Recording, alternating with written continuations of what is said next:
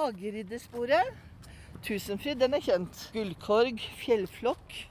Dette er Gro Dale. Hun er dikter og forfatter med nesten 60 utgitte verk.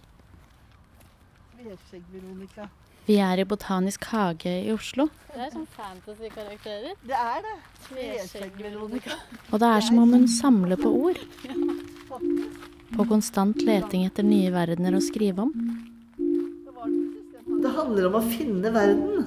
For det veit jeg ikke fra den ene verdenen til neste, så veit jeg ikke hvor den verdenen ligger. Jeg vet ikke hva det språket er ennå. Jeg må finne en verden, og så må jeg finne på en måte et folk og et språk og en måte å være i den verdenen på. Og jeg må lære meg det området og det folket og det språket og den kulturen å kjenne før det blir dikt, da.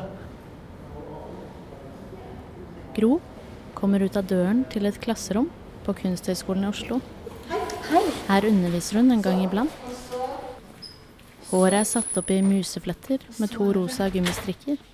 Og på føttene har hun matchende rosa sandaler. Jeg var nok veldig um, u, ja, unormalt dårlig muntlig. Svak muntlig. Noen er jo på en måte veldig flinke til å snakke for seg, og kjempedårlige til å skrive for seg. Og jeg var omvendt. Jeg var god til å skrive for meg, og, og, det å skrive, det ble en overlevelsesstrategi. Hjem til jorden. Til denne kloden. Til denne kroppen, dette hjertet som venter på meg hver morgen på avtalt sted. Hjem til ansiktet mitt, som jeg håper vil smile til meg. Vi pusser tennene, du og jeg, og jeg vil bare at du skal si navnet mitt på den måten du snakker til hunden.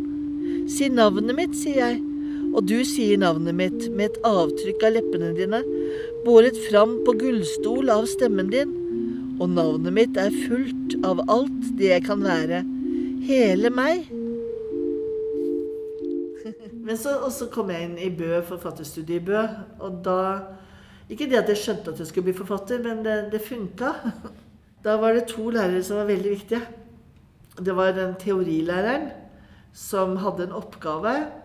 Var det den metoden som surrealistene brukte, André Breton brukte, det var friskrift. Å ikke tenke, og ikke styre, og ikke ville, og ikke ha mål, og ikke ha retning, og ikke skulle skrive bra. Tvert imot skrive dårlig.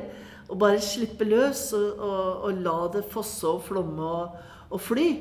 og la, se hvor språket tok meg. Altså følge etter språket istedenfor at jeg skulle styre språket. Rød bispelue. Det er ganske fine navn, da. Ja. Rød bispelue. Honningknoppert. Og så hadde jeg en annen lærer, eh, Eldre Lunden, som var eh, stor dikterdronning, og som eh, kom med veldig, eh, veldig gode råd. Eh, som i utgangspunktet føltes ubehagelig. Kast alt det du har, f.eks. Kast det. Hver gang jeg kom med en tekst, kast det og begynn på nytt. Kast det og begynn på nytt. Og da visste jeg liksom ikke helt Var det noe der? Skulle vi ha gjennomgang av den oppgaven, da, friskriftoppgaven?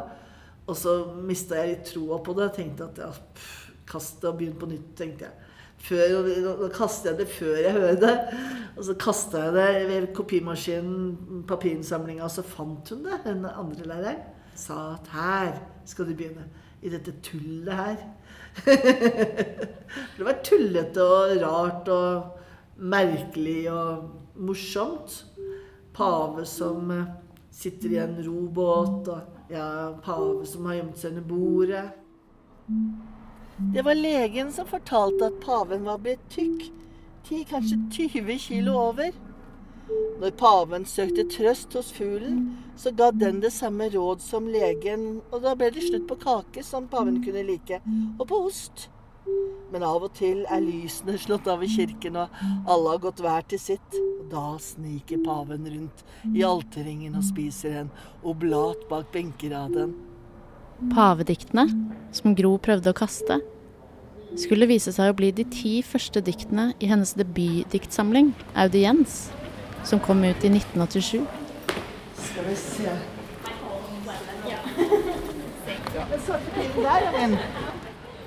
bilen til Gro ser ut som en ganske vanlig stasjonsvogn. Men hun har brukt veldig mye tid der. Jeg er eh, familiens sjåfør, og da føler jeg meg noen ganger som en sånn cyborg. Hvor jeg er delvis menneske, delvis bil. jeg sitter liksom der, og jeg kjører og kjører og henter og kjører og bringer og ordner den bilen. Jeg bor der. Og en periode så, så var jeg der så mye at jeg brukte det som arbeidsrom, arbeidskontor.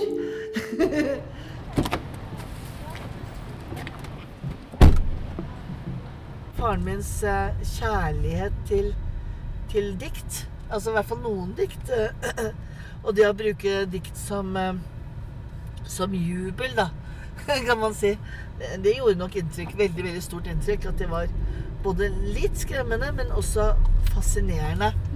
Og det var liksom den følelsen av trolldom, liksom. Dessuten så var det Han leste mye for meg.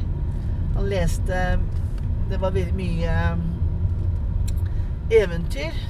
Og det også gjorde jo at, at jeg fikk et veldig sterkt forhold til fortellinger og til språket. Man leste fryktelig, fryktelig skumle ting som gjorde at jeg ble redd. Eh, F.eks. om eh, det blå båndet, eventyret om det blå båndet, som kanskje er det viktigste, eh, sterkeste eventyret jeg eh, vet om. Det handler om en mor og sønnen som skal gå hjem etter et marked. Må de gå gjennom over åsen for å komme hjem til bygda. Og da eh, finner gutten et blått bånd som han knytter om livet.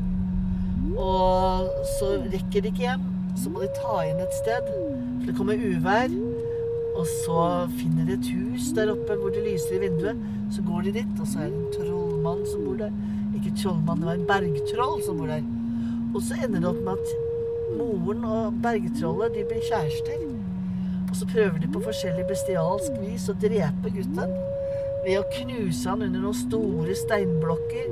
Eh, ved å prøve å stikke ut um, hjertet hans og skjære han opp om natta mens han sover. De klarer ikke, for han har det blå båndet han har bundet om livet. Og så Derfor så stikker de bare ut øynene hans og sender han ut på en sjø i en båt. Så kommer han til en løveøy hvor han må leve blind og uten mat. Eh, med, med, tanke på at han da antageligvis blir drept av løvene etter hvert. Forferdelig skremmende. Og jeg hadde så mareritt, og jeg var så redd. Og det tror jeg også, det der at, at språkets makt, da. Språket at, at der står det et eventyr i en bok som har en sånn voldsom kraft. Det er faren min da, som gjorde at, at, at å oppdage språkets makt. Og så var det én ting til som gjorde at Gro ble fascinert av språket. Det var nemlig at jeg var anarkist på et tidspunkt. og jeg og Thomas Hylland Eriksen, vi hadde lagde, og en til, Trond Holmen vi lagde en anarkistavis som heter Anarkisten.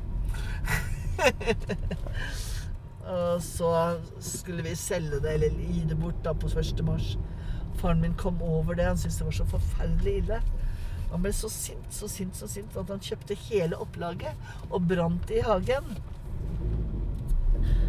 Og det også, at språkets makt Språkets makt At språket har sånn kraft at det kunne gjøre han så sint at, eh, hadde, at han kjøpte og brant et bokbål i hagen. Det var også veldig, veldig sterkt.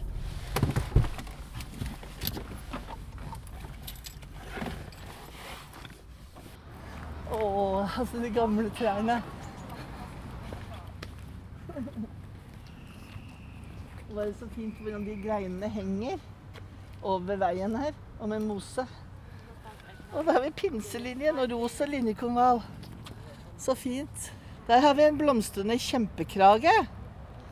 Jeg visste ikke det med prestekrager. Jeg har liksom ikke tenkt på at det het kjempekrager-historie. Det er rart hvor fort man glemmer dikta. Det føltes nesten som jeg ikke har sett dem før. Der. Det fineste av alt, at du er der at du står der. At du i det hele tatt fins. Og det er en slags galskap som gjør at jeg bare slipper taket. At jeg bare lukker øynene og kaster meg bakover.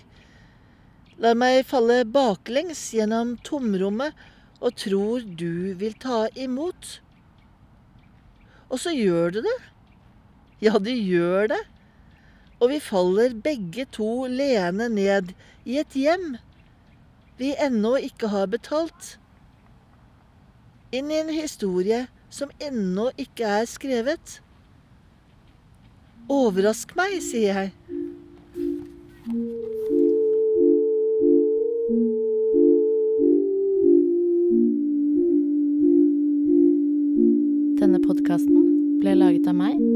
Ragnhild Fangel.